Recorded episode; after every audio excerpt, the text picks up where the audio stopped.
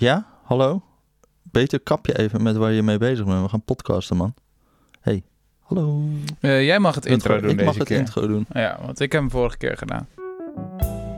Hey, hallo eh, luisteraars. Ja, daar What's zijn we weer. What's up? What's Oh, up? ik moet beginnen trouwens met de recensie van Laurens. Ik zou het fucking intro doen. Oh, oké. begin jij dan maar. Hey, ik heb je gemist, man. Ja, bent echt, ja, bent echt lang weg geweest. ja dat is, eh, dat niet- is geheel wederzijds. Dus het is niet oké, natuurlijk. Het is ook echt een tijd geweest. Ik ben, eh, ik ben twee weken weg geweest, ja. Ja, en daarvoor ook al heel lang? Ja. Oké, wat, wat heb je allemaal gedaan, eh, Rutger? Of, nee, wacht maar. Nu mag je eigenlijk even jouw recensie Ja, zal ik dat eerst doen? Ja, nee, want we kregen, we kregen een hard bericht 14 uur geleden van... eh, oh, Lauwes heet hij. En de titel van de recensie is Fantastische Podcast. En zijn oordeel is 1 ster. En hij schrijft... Gasten, waarom duurt het tegenwoordig zo lang voordat jullie weer iets opnemen? Ja. Als jullie weer frequenter posten, terug naar 5 sterren. Oké, dus nou ja, echt Rutger, verklaar je nader. Aan Ja. mij heeft je het in ieder geval niet gelezen. Nee, dat is ik heb zo. hier, ik heb hier zo. gewoon eh, de hele tijd staan wachten totdat er weer een nieuwe Rudy en Freddy kwam. Nou, maar- wat ging ik doen? Ik ging, doen. Ik ging naar ehm, eh, Vancouver. Oké. En ik ging in het vliegtuig daar naartoe. En ik mocht business class vliegen. nou, jongen, dat is echt fantastisch. Dat is echt fantastisch. Heb je dat wel eens gedaan? Ik heb nog nooit, ik heb denk ik twee keer in mijn leven gevlogen. Echt? Ja, ik ben, ik, ik ben echt, eh, ik, ik haat vakantie. Ga door. Ja, nou, dat deel ik met je. Maar in ieder geval, eh, ik mocht dus business class vliegen.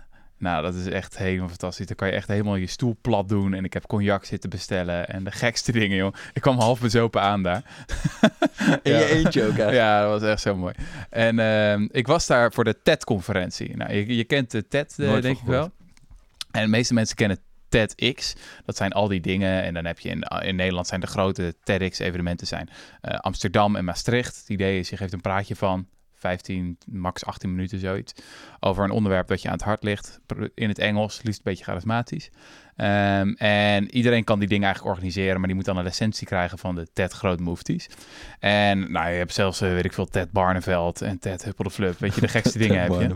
Maar ik werd, was nu dus uitgenodigd om over het B-woord, basisinkomen, eh, te praten op de, op Ted de, op ja, op de, op de moederconferentie, zeg maar, in Vancouver. Nou, een kaartje kost normaliter eh 10.000 dollar, zoiets. Hoefde ik gelukkig niet te betalen. Ehm, en vervolgens mocht ik op dat podium staan. Voor 1200 man, terwijl echt, weet ik veel, 15 camera's je filmen, eh, dat ding doen. En het is echt het sixte wat ik ever heb gedaan. Want, je vond het eng? Ja, jongen, het is echt dodelijk eng. Het is echt Ja? dodelijk eng. Ja. Nou, ik was al in november begonnen met, met voorbereiden. Dus dan schrijf je het praatje, dan zit je dat eindeloos te, bij schaven. Die mensen van TED helpen mee. Veel collega's van de correspondent hebben me geholpen. Nou ja, vervolgens begin je natuurlijk te oefenen. Je leert het helemaal uit je hoofd. Je leert het zo goed uit je hoofd dat je het helemaal weer natuurlijk kan brengen. De meeste mensen die natuurlijk een tekst uit hun hoofd leren, die brengen het als een robot. Ja, en de ja. truc is dan dat je het zo goed uit je hoofd leert dat je het net zo goed kan brengen als, eh, weet ik veel, vader Jacob of zo. Ja. Bijvoorbeeld als ik jou nu vraag, breng vader Jacob een beetje spontaan, dan kan je waarschijnlijk wel soepel een beetje dan. ja, dat kan ik heel soepel. vader Ja, Jacob, ja. weet je wel, want het zit zo goed in je hoofd. Dat is geen enkel probleem. Ehm, maar dat moet je dan doen met een praatje van 15 minuten. Dus dat is natuurlijk heel veel werk. Mhm. Dan eh 100 keer oefenen, nog een duizend keer oefenen. En ik ben, ik ben dan ook een beetje iemand die... Ik heb omgekeerde deadline stress. Jij hebt volgens mij wel gewoon normale deadline stress. Dus Ja, dat je je zorg begint te maken als de deadline er is. Ik begin me altijd zorgen te 24 maken. uur voor deadline, ja. Precies, ja. Nou, ik begin me altijd zorgen te maken zodra ik een taak krijg. Dan begin ik meteen te denken, oh, ik moet het doen. Dus toen, ik, toen ze mij in oktober vorig jaar vroegen, toen had ik al meteen zoiets van, oh, ik moet het doen. Dus in januari had ik die TED ook al geschreven en kende ik hem uit mijn hoofd. Maar ja, dan moet je hem vervolgens elke dag gaan oefenen. Eh, want anders ben je bang dat je hem weer vergeet. Nou ja. In ieder geval, toen stond ik daar, dinsdagochtend, wat was het? 25 april, eh 11 uur lokale tijd. Een paar cognacjes genomen. nee, dat niet. En eh, ja, hij ging echt heel goed. Ja? Dus eh, ze ging helemaal uit een plaat. Nou, kijk, jij zegt nu heel goed. Volgens mij waren jouw woorden eerder volkomen episch. nou, hij ging wel lekker, ja. ja, ging wel lekker. Oké, oké. ja. Dus het filmpje komt over, even kijken, twee, tweeënhalve weken online. Oké, oké, oké. En, eh, oh ja, en toen ben ik nog in de tweede week ben ik trouwens, want dat was één week. In de tweede week ben ik eh, in de VS geweest, op de, aan de West Coast. Dus ik ben in Portland geweest en ik ben in San Francisco geweest en in Los Angeles. En daar heb ik veel radio gedaan en één ehm, late night show, Tavis Smiley. Ja, Ehm, grote donkere man. En eh, ja, dat was heel erg leuk. Ja, ja, heel ja. leuk. Ik heb de foto's gezien. Dat was echt een schurend contrast inderdaad. Heel mooi. En jij dan, wat heb jij uitgespookt? Eh, ja, alleen eh, veel met, ehm, met de schuldenindustrie nog steeds bezig. Groot verhaal over die, over die boetes, onverzekerde voertuigen. Ja, dat klinkt dan echt zo fucking boring. Hè? Ja. Dan moet je ook gewoon niet in de kop zetten, onverzekerde voertuigen. Maar ik heb me daar echt, eh, ik heb me daar echt super boos over zitten. ja, maar dat is, dat- ik heb echt een idee dat er een beetje een verandering eh, in jou aan het optreden is. Ja, ja, ja. Dat een beetje, nou, jij eh, zei net over die deadline stress dat ik normaal 24 uur voor deadline ongeveer begon. Dat is nu ook wel een beetje anders. Want Mhm. dit is eindelijk weer eens een keer een onderwerp waar ik echt gewoon een beetje boos van word. En dat is toch uiteindelijk wel mijn kerosine. Ja. Misschien even heel kort samenvatten waar we het over hebben. Oké, oké, oké. Eh, ja, het gaat dus over die, eh, over van die. De overheid heeft in 2011 is er een nieuwe wet gekomen. Ja? Waarmee ze eh, op een nieuwe manier boetes gaan opleggen voor onverzekerde voertuigen. Mhm. Nou ja, daarvoor was het gewoon allemaal ehm, nou, heel moeilijk om, het, om, om dat heel veel op grote schaal te doen. En Mhm. toen hebben ze de wet veranderd, waardoor er zeg maar een volledige handhaving is, noemen ze dat. Ze Mhm. kijken gewoon in het kentekenregister, staat daar een auto in. En dan vergelijken ze dat met het verzekeringsregister. Eh, is die auto ook verzekerd? En daar rolt dan vol automatisch een boete uit. Ja, komt geen ambtenaar meer tussen. Komt geen ambtenaar meer aan te pas. Ja. En bij die wet hebben ze nog iets anders gedaan. Als je die boetes niet betaalt, en die boete is 400 euro als je een auto Mhm. niet verzekert, dan wordt die binnen drie maanden verdriedubbeld.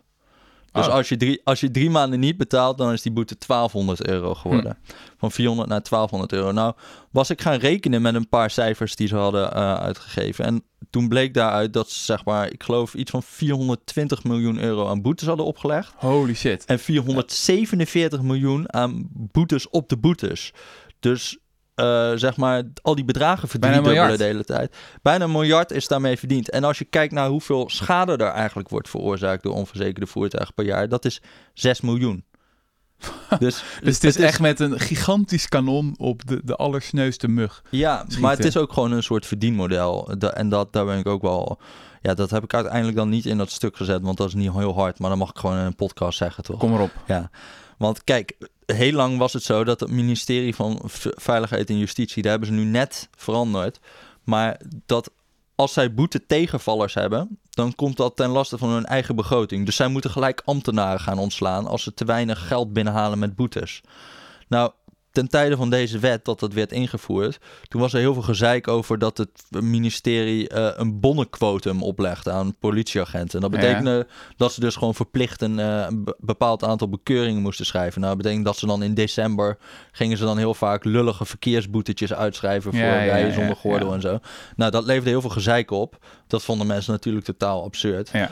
En dat werd toen afgeschaft. Daardoor daalde het aantal boetes enorm. En, maar dat zou betekenen dat ze bij dat ministerie moesten bezuinigen. Dus toen hebben ze gedacht, dit is mijn hypothese, hè, eh, we moeten een nieuwe inkomstenbron gaan aanboren. Nou, wat, wat is fijner dan, zeg maar, Vol boetes die je automatisch. vol automatisch kan gaan uitschrijven. Waar niemand op let. Waar niemand op let. Ja.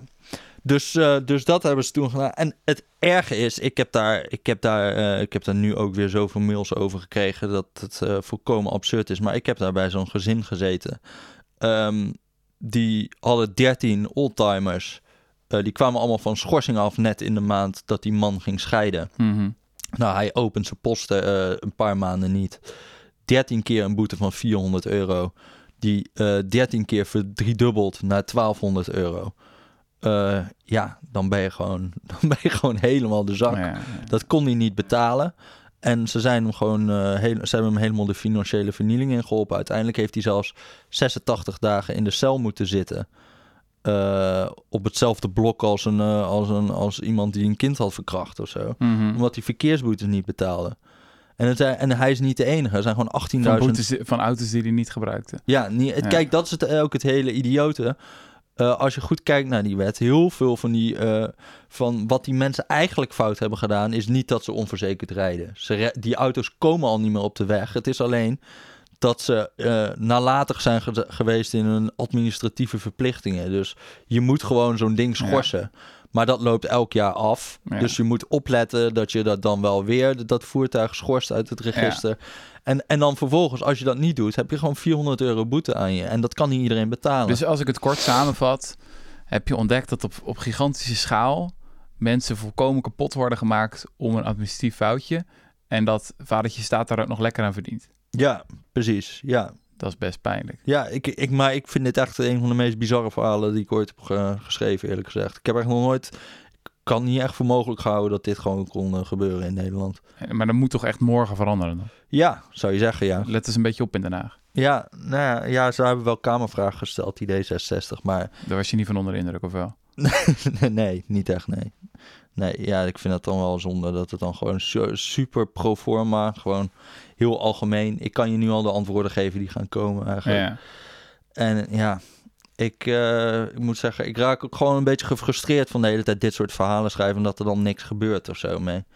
Dus Wat, wat zou het zijn? Is het te ingewikkeld dan? Of is het... eh, Nou ja, onverzekerde voertuigen. Ik, ik, word jij er heel, eh, ja, word je Ja. niet echt Nou, het is excited van of zo. Wat, je, wat je net zei van...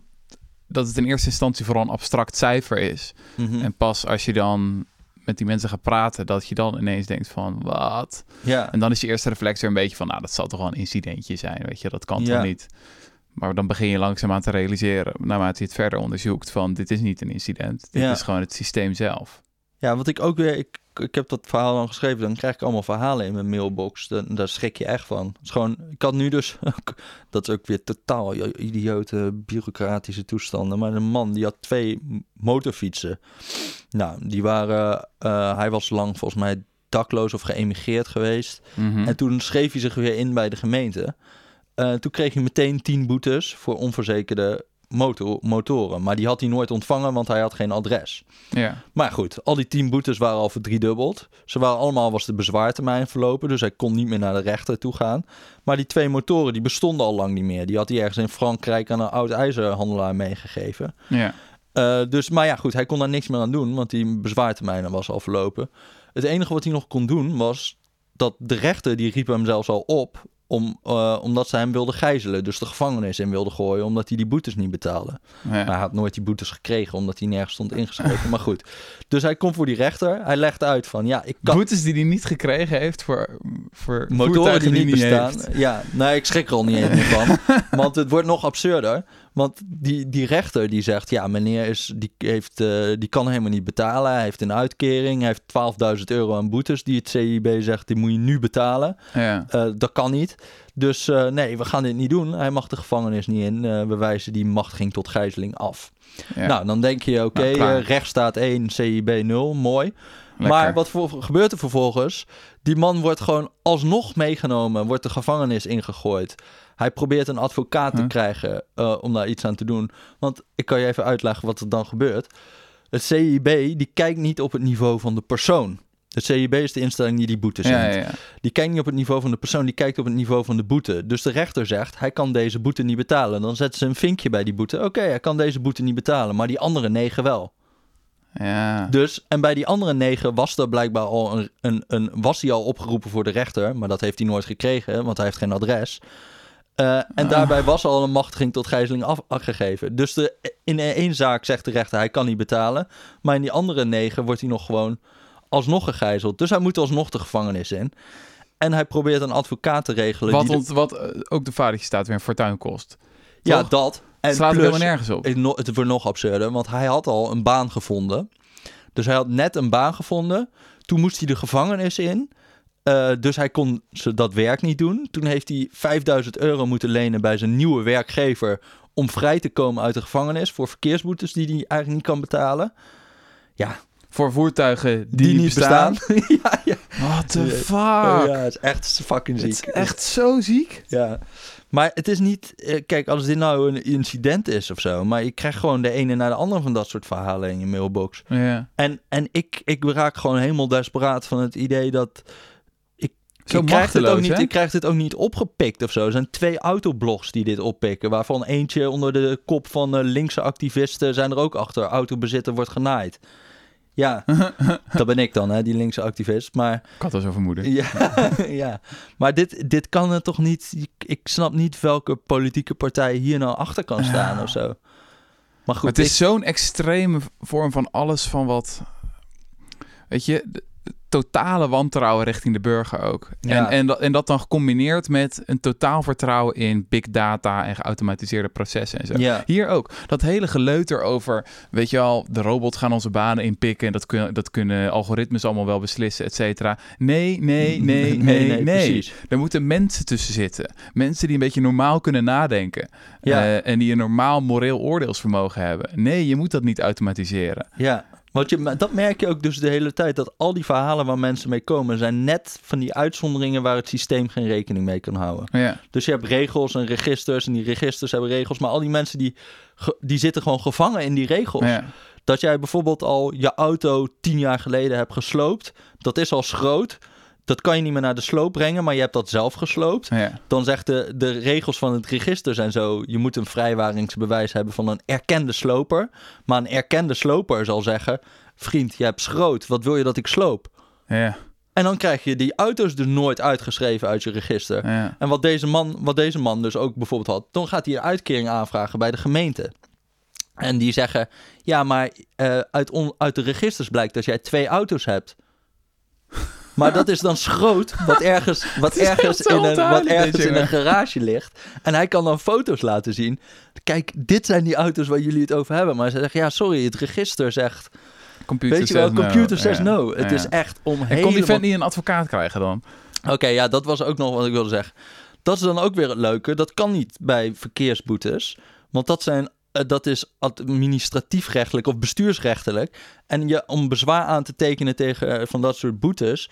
eh, daarvoor kan je geen rechtsbijstand krijgen. Dus hij kon geen advocaat regelen. Hij gaat naar de gevangenis toe, zit in een, in een auto met een, eh, met een, eh, een of andere Somaliër die creditcardfraude had gepleegd en die zes jaar boven zijn hoofd had hangen. Die had gelijk een prodeo-advocaat.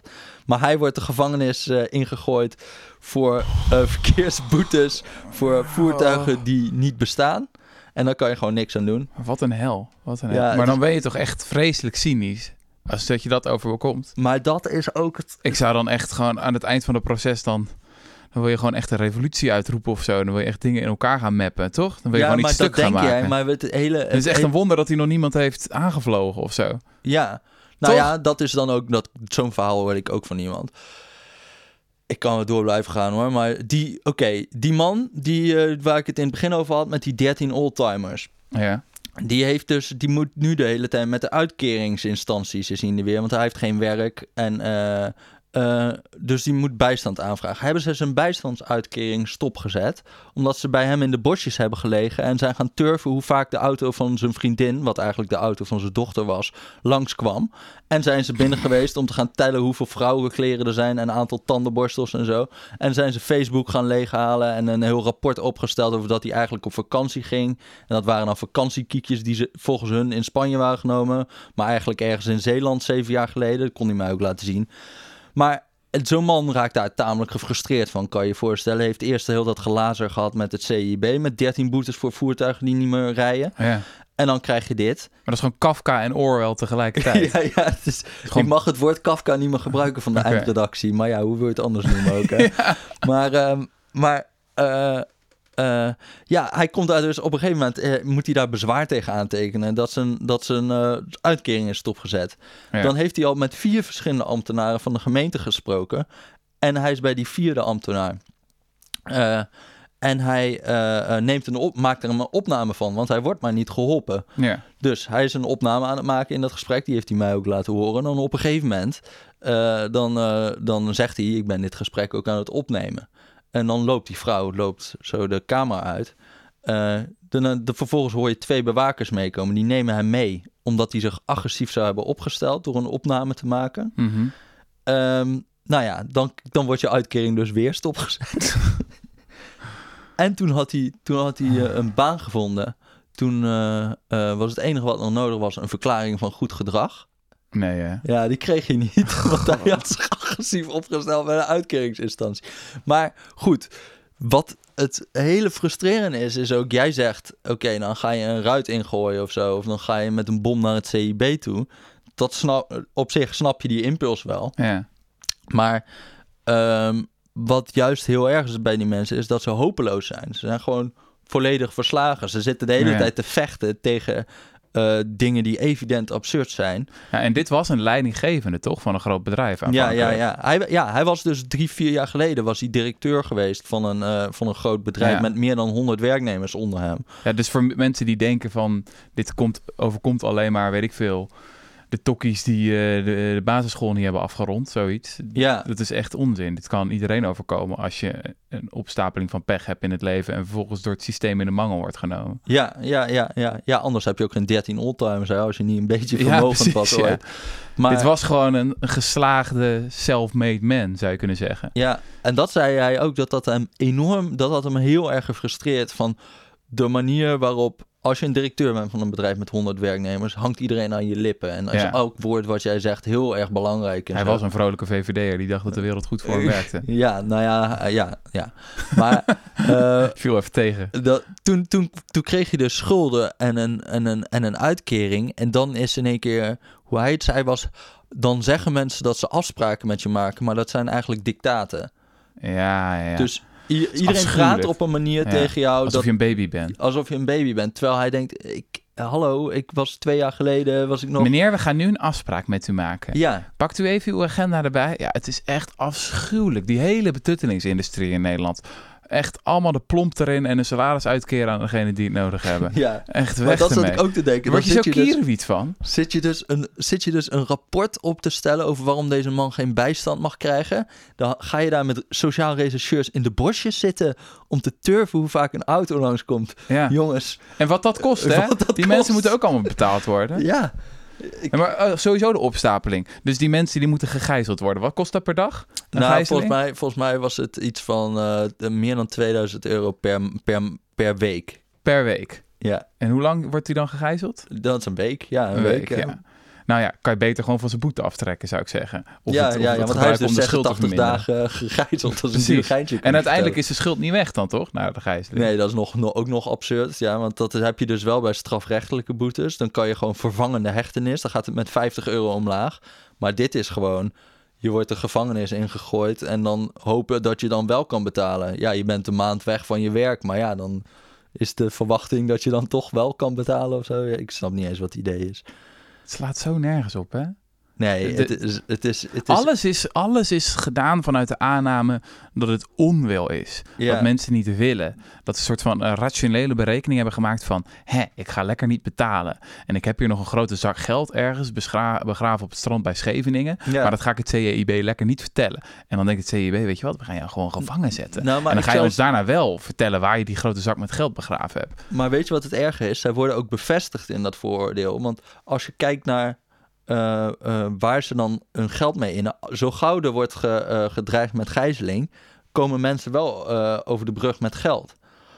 Maar het CIB kijkt gewoon heel verkokerd. Want hoe weet je waar dat geld vandaan komt? Komt dat omdat je een maand de huur niet hebt betaald... of de elektriciteitsrekening niet hebt betaald? Ja, of gesmeekt dat- hebt in je omgeving. Ja, van, kan precies. iemand me helpen? Ja, want zoals deze man bijvoorbeeld, die ging het dan lenen bij zijn werkgever 5000 euro.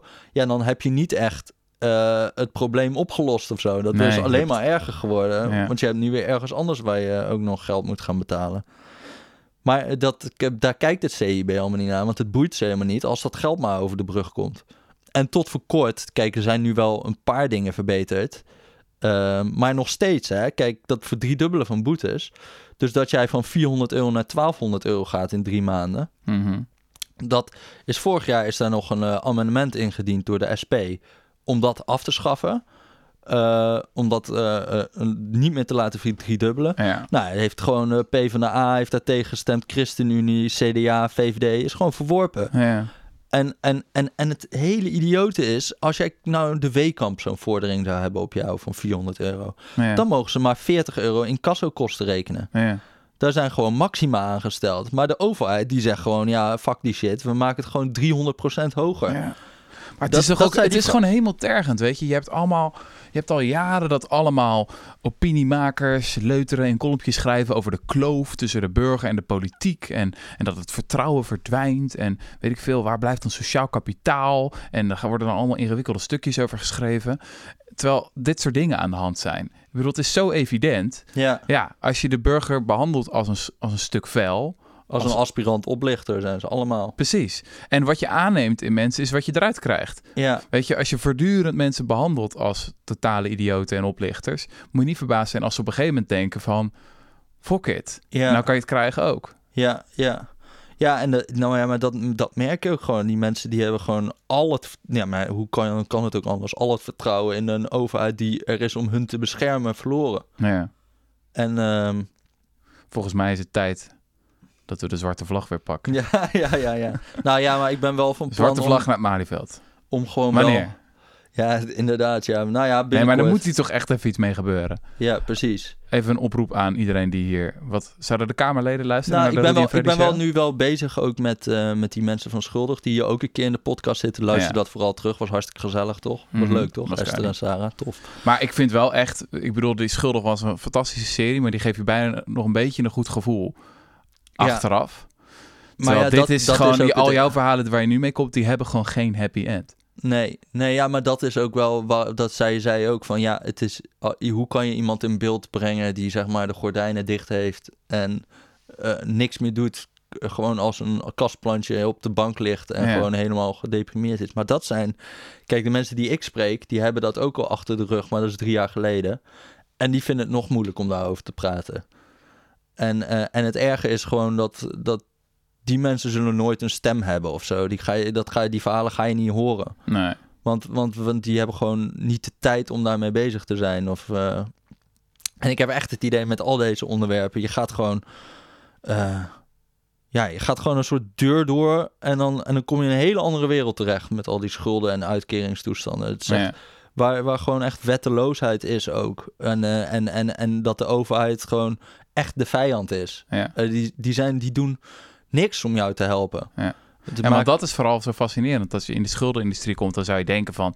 de bad guys, dat zijn de banken en dat zijn de private grote Ja. bedrijven en zo. Maar keer op keer blijkt de grote bad guy... blijkt gewoon de, de, overheid, te zijn. Ja, ja, ik vind ook gewoon als keurige linkse jongen wil je dat dan ook wel graag geloven dat het meer de weekamp is dan de Belastingdienst, zeg maar. Ja. Maar eh, dat is gewoon niet zo. Het is gewoon echt zo dat de overheid gewoon echt een hufter is in, eh, wat Ja. dat betreft. Dat is echt niet normaal gewoon. Die, die, die, is een die beetje het slechtste. overal doorheen. Het is het slechtste van links en rechts bij elkaar. Dus het rechtse totale wantrouwen in de, in de burger... en dan de linkse behoefte om nog wel te helpen. Ja, Ehm, ja, dat is, zo, dat is gewoon de moderne verzorgingsstaat. Een Ja. monsterverbond geworden. tussen ja. Dus het is trouwens een internationaal fenomeen. Dat, dat zie je ook in, in, in, andere Amerika landen. zo, die, ja. die hele opkomst van workfare en eindeloos veel regels en ambtenaren die alles controleren en in de gaten houden en mensen betuttelen en helemaal. Mhm. En er was ook, was ook vorige week, daar wil ik het ook nog even over hebben. Dat is een heel vet, heel vet rapport van de WRR over. Die hadden een nieuwe term eh, verzonnen en dat was doenvermogen. Alles goed? Ja? Doenvermogen. Doenvermogen. Dus mensen hebben denk- en doenvermogen. Mhm. En dat sprak me wel heel erg aan, want ik ben dus zo iemand die echt nul doenvermogen heeft. Mhm. Als het gaat om dingen die gewoon niet leuk zijn. Ja. Eh, Je hebt Want- ook altijd een OV-fiets die dan nog twee maanden hebben laten staan. ja, precies. Dat soort shit. Dat soort shit, ja. Ja. En ik moest ook laatst weer eh, duizenden euro's aan zorgtoeslag terugbetalen. Ik heb dat allemaal niet op orde, zeg Nee. maar. Maar dat is dus ook mooi, omdat we denken vaak met die schuldentoestanden en zo, dat dat mensen zijn die gewoon een beetje dom zijn. Mhm. Dus, eh, maar het is ook mensen die gewoon niet zo goed zijn in weten dat iets niet goed is, maar het desondanks niet doen. Mhm. En dat heb, je, dat heb ik gewoon qua karakter wel best wel erg. Ja, het is karakterologisch, maar het is ook context, toch? Ja, het is ook heel erg context. Want bijvoorbeeld, wat ik dus merk in al die verhalen met schulden, is altijd eh, ligt er een echtscheiding aan de grondslag. Kijk, je hebt een echtscheiding, dan heb je nul doenvermogen. Kan je Mhm. niks meer. Dan ben je gewoon, voor heel veel mensen zijn zo depressief dat ze echt niet meer eh, even met die post om kunnen gaan. je en opent, want dat gaat dan heel snel. Je, je krijgt die boetes voor die onverzekerde oldtimers. Je opent de post niet meer. En dan ben en je dan al, boem, boem, boem, dan ga je een spiraal zich in. op. Ja. Ja, Post niet openen is gewoon een totale killer. ja, en maar ook aan al die andere, want dat, dat is ook gewoon de, de, de complexiteit van onze samenleving nu en van al, al die administratieve verplichtingen die de overheid jou oplegt. Het is belastingen zijn toeslagen, eh, zorgverzekering. Eh, nou ja, als je dan een uitkering hebt, is het helemaal hel. Dat is eh, super ingewikkeld. Studiefinanciering. Als je een auto hebt, heb je die verzekeringsplicht. Ehm, ik bedoel, het is een, Ja, een laag ja, op laag van, van allerlei verplichtingen waar je je aan moet houden. In dat rapport van de WR hadden ze ook een heel vet voorbeeld. Ze berekend van als je nou een alleenstaande moeder bent met twee schoolgaande kinderen, een deeltijdbaan en een aanvullende bijstandsuitkering en een huurwoning. Nou, dan heb je uit tenminste twaalf verschillende bronnen heb je inkomen van acht verschillende instanties. Daarvoor moet je 18 verschillende formulieren invullen en ontvangt zo'n gezin 80 verschillende betalingen per jaar. Ja, bizar. En als je een paar van die formulieren verkeerd invult, dan word je bestempeld als fraudeur. Mag je het hele bedrag terugbetalen met een boete. Ja. Zeg Weet maar, je wat ook ironisch is, eh, wat hier gebeurt? Dus het idee van al die formulieren en al die voorwaarden en al die eisen... is dat alleen de mensen die het echt nodig hebben er gebruik van maken. Mhm. Maar het effect ervan is precies tegenovergestelde. Is Ja. dat de mensen die het meest in de shit zitten, het diepst in de armoede, et cetera... die kunnen zich natuurlijk nooit door die hele papierwinkel heen werken. Nee. Dus het gevolg is dat alleen de mensen die nog wel net al die, nou ja, laten we zeggen, het doenvermogen en de cognitieve capaciteit hebben om zich door de papierwinkel heen te werken, werken, dat die het nog net lukt om die steun te krijgen. Mhm. Maar degenen die het echt nodig hebben, niet hebben. Dus hoe meer bureaucratie, hoe minder, ja, Dat is ook een hele grote contradictie als je in die cijfers kijkt. Er zijn eh, vaak enorme percentages mensen moeten toeslagen terugbetalen. Tegelijkertijd weten we dat een heleboel mensen ze niet aanvragen. Dus zeg maar toeslagen waar ze wel recht, op, hebben, Ja. Eh, dat ze die niet aanvragen. Dat, is, dat is heel... Dat is ook zo'n ramp, hè, die toeslagen. ja, dat is ook echt Hoe zie jij dat dan? Dat, moet- dat- dat moeten we Dat, ja, dan moet je gewoon... opheffen, die hele, de hele handel. Ja, en sommige van die dingen... Kijk, het kan ook Kan je niet gewoon allemaal fiscaliseren of zo? Dat je gewoon het in automatisch als een belastingkorting krijgt of zo. Of regelingen bij elkaar optelt. Of daar moeten toch gewoon wel manieren voor zijn om Ik heb er nog om het niet allemaal heel veel goed over nagedacht. eenvoudiger te maken. Ik bedoel, je hoeft van mij niet meteen naar het B-woord te gaan. Maar er- moeten toch stappen te maken zijn. Dat je dit soort onzin niet meer hebt. Ja, nou ja, één ding is gewoon terug aan wat we daarvoor hadden. Bijvoorbeeld eh, eh, huurtoeslag. Nou, dat krijg je dan eh, op de 15e van de maand. Op de 31ste moet je huur betalen. Krijg jij op de 15e van de maand krijg jij huurtoeslag. Dan heeft de wetgever bedacht dat moet jij dan twee weken opsparen. En dan ga je daar de verhuurder mee betalen met dat bedrag. Mhm. Nou ja, voor mensen met schulden is dat gewoon, die moeten tevreden hebben, zeg maar. Ja. En dan is dat geld voor de huurder alweer niet meer. Waarom zou je in godsnaam niet gewoon die huurtoeslag overmaken aan die verhuurder gelijk, Mhm. zeg maar, als overheid? Waarom moet je die persoon daartussen? Dat is Ja. allemaal uit zelfredzaamheid en dat Ja. je dat dan zelf... Maar waarom, waarom is dat zinvol? Nou, en dan zeggen ze soms wel eens privacy. Dus anders zou zo'n verhuurder kunnen zien wat jij verdient. Maar ja, dan moet je daar ook maar iets voor verzinnen of zo. En bovendien, de, eh, de gevolgen van deze methodiek zijn zo eh, eh, extreem dat ik denk, fuck die privacy dan maar eventjes. Ja. En hetzelfde geldt voor die zorgtoeslag. Waarom zou je dan niet direct aan een zorgverzekeraar overmaken in plaats van allemaal moeilijk gaan doen met jij moet dat eerst Ja, krijgen. daar snap ik ook helemaal niks gewoon- van. Daar snap Want ik uiteindelijk niks moet je er toch dus je zorgverzekering mee betalen, Ja. is het idee. Dus het is allemaal, allemaal geld rondpompen van heb ik jou daar. Ik snap, ik snap het ook niet. Maar het, het hele probleem is ook dat het lastig is om het nu te veranderen. Dan moet je het hele belastingstelsel weer omgooien. Nou, dan moeten we het toch sowieso doen.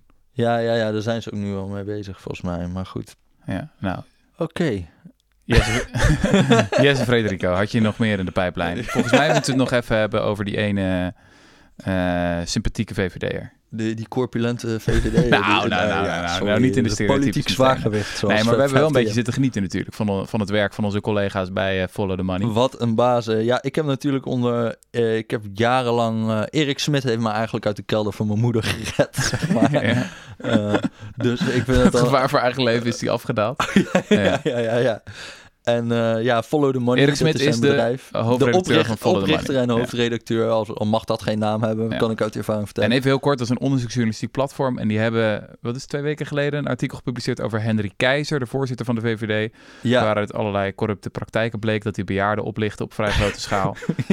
ja, ik En begreep het mooi. Misschien ook nog een even le- leuke achtergrond. Erik Smit, vertel, vertel iets even over hem. Oh, hij, is, hij, is, hij is een squasher, Ja, toch? ja, ja, ja, ja. Hij, heeft dus, hij is dus heel lang eh, heeft hij, eh, aan de top van Nederland in het squash gezeten. Hij is Ja. eigenlijk de Joop Zoetemelk van het Nederlandse squash, want hij werd altijd tweede. Ja. En, eh, maar hij heeft eigenlijk dus tot zijn dertigste heeft hij achter zo'n balletje aangerend zijn Ja. hele leven. En nu rent hij achter... Eh, eh, en nu, nu rent hij achter corrupte VVD'ers aan. Maar dat merk je ook aan alles dat hij gewoon... eh, toen ik met hem werkte, dat hij dat gewoon geweldig vindt. Dat hij dan achter zo'n man aan mag zitten. Dus dat zie ik dan nu ook weer. Zie ik hem op tv en zo. Ja. En dan denk ik, oh, Nou, hij doet het samen trouwens met volgens mij Kim van Kim van Keken. ja, ja, ja, ja, ja, ja. En eh, ja, iemand had ook, eh, had ook een hele leuke... In de Parool stond een column over dat, die, dat, dat iemand had zo'n zinnetje van... Ja, die Henry Keizer zal zich ook wel eens afvragen... waarom hij nu in godsnaam in een glazen kooi zit met die Erik Smit. Ja. Een, een boomlange Ja, studenticoze ja, ja. man Maar die even, wil kijk, maken. het beeld wat heel snel ontstaat in de mainstream media... of laten we zeggen gewoon de he said, she said journalistiek van NOS en weet ik veel wat, dat soort partijen... Ja, is van, oh, er is ophef. Ehm Follow the Money zegt, beweert ja, dat er dingen niet in de haak zijn. Eh, maar dat wordt ontkend door... eh, Betrokkenen. de- door betrokkenen, door de heer Keizer. En eh, volgens premier Rutte is deze man wel integer. ja. En is er niks aan de hand.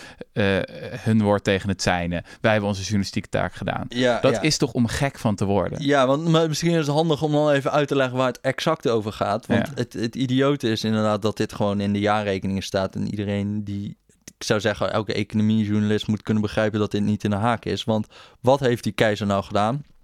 Ehm, in 2012 heeft hij eh, voor eh 12,5 miljoen euro heeft hij een soort grote uitvaartonderneming, crematiebedrijf die eh, ovens maakt en zo. Mhm, die heeft hij overgenomen. mhm. Nou, de, wat Follow the Money zegt, is dat dat bedrag echt extreem laag was. Mhm.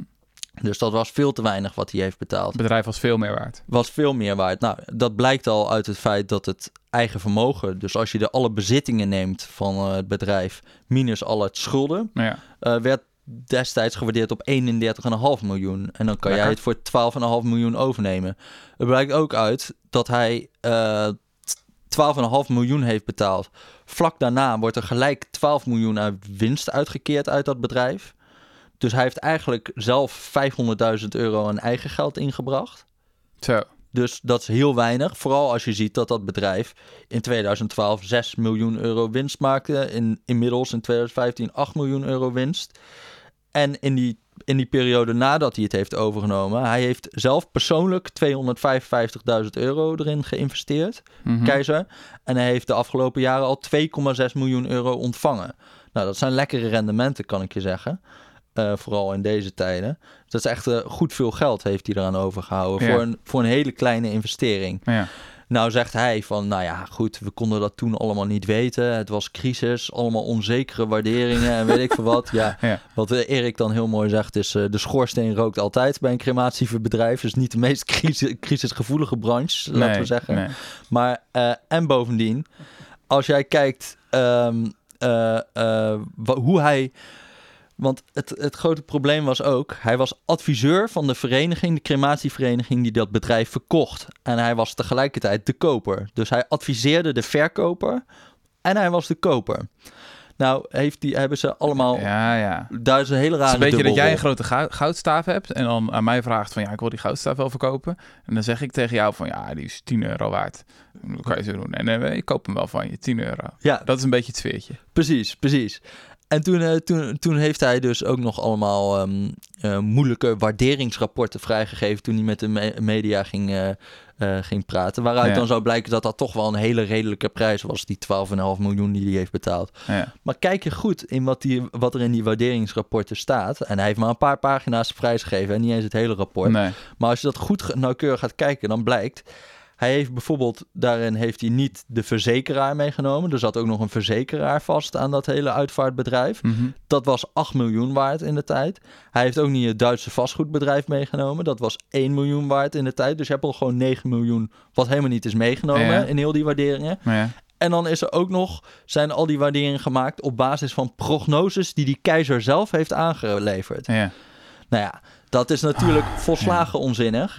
En dit staat allemaal in die stukken. Die moet ze alleen wel gewoon even goed lezen. En dan, maar dat staat er gewoon allemaal in. Dit is niet, niet iets van, daar heb je moeilijke bronnen voor nodig. Anonieme bronnen die dit vertellen. Dit staat allemaal op, op papier. We hebben het gewoon over feiten. We hebben het eigenlijk gewoon Ja. over feiten, ja. Het is niet he said, she said, van er is oneenigheid. Nee. Iedereen die zich er een beetje in verdiept, die, kon, die kan zien dat de aarde rond is. Ja. En die kan zien dat Henry Keizer een corrupte mafklapper is. Nou ja, dat dit gewoon een hele rare transactie is. En dat, dat, het, dat hij gewoon evident te weinig heeft betaald. Ja. Dus, maar goed, dan, want dan, krijg- dat, daar heb ik me dus kapot aan geërgerd. En hoe dan die eh, berichtgeving daarover Het zijn gaat. zware weken voor jou geweest. Ja, man, eh, jongen. Het is wel heerlijk trouwens. Hè? Als je zo de hele tijd boos bent, Ja, hè, dan, dan, dan ga je ook schrijven. ja ik kan gewoon niet schrijven doen, ja. als ik gewoon denk van... Ja, is het ook misschien ook wel oké. Ik denk, ik moet gewoon echt een beetje gewoon...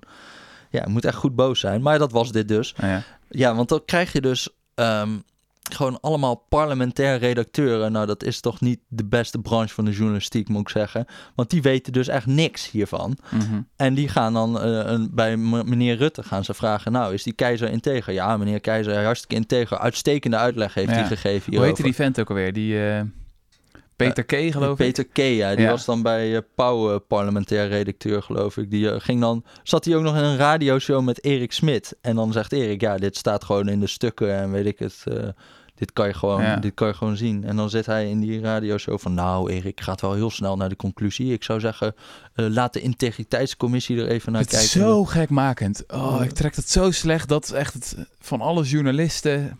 Die, die, die moeten we nog eerder ontslaan dan die hele bijstandscontroleur-industrie.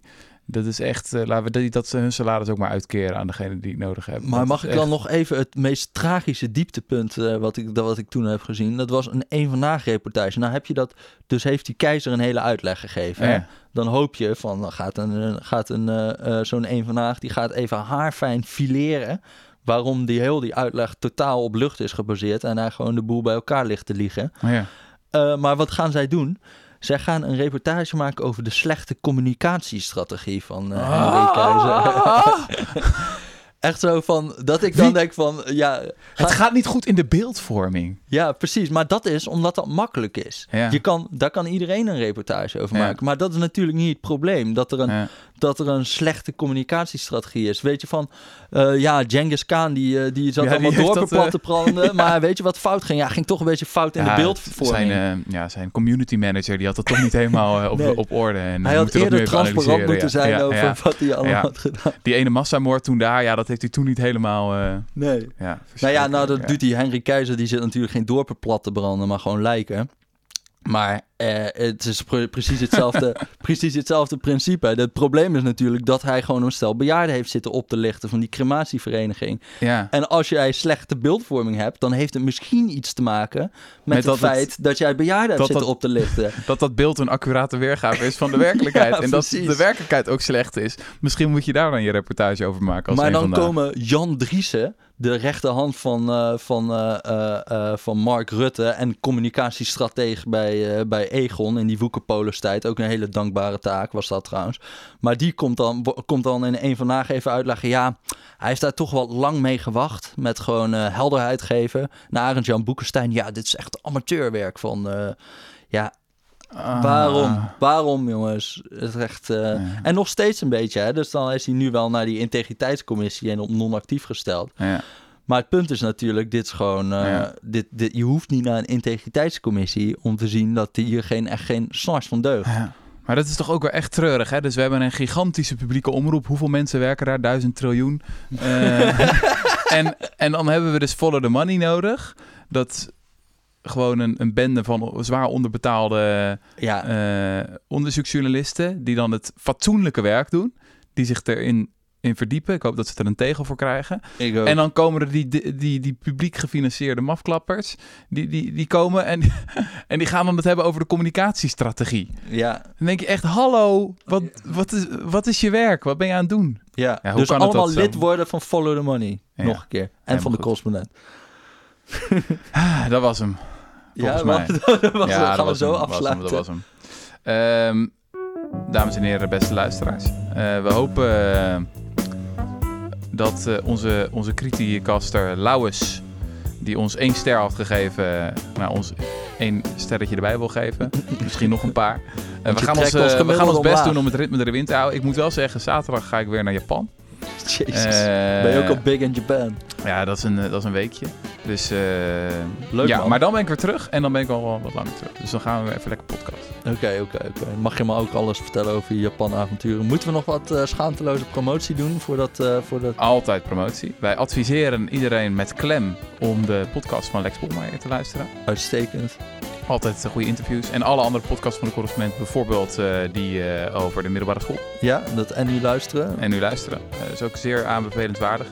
Arnold Groenberg, die heeft nu trouwens ook een podcast. Ja, Daarin leest hij voor uit zijn boek. Ligt nu trouwens in de winkel ook. ja. Sick. ook, ook nog Ja, moet je Hard. kopen. Nice. Ja, ik zag hem liggen bij de ACO. Naast een ander uitstekend boek getiteld Gratis geld voor iedereen. Ik vind wel echt nu ook hele- in de midprijseditie. Oké, nou, eh, dat was het denk ik, hè? Dat was hem. Later wat. Later.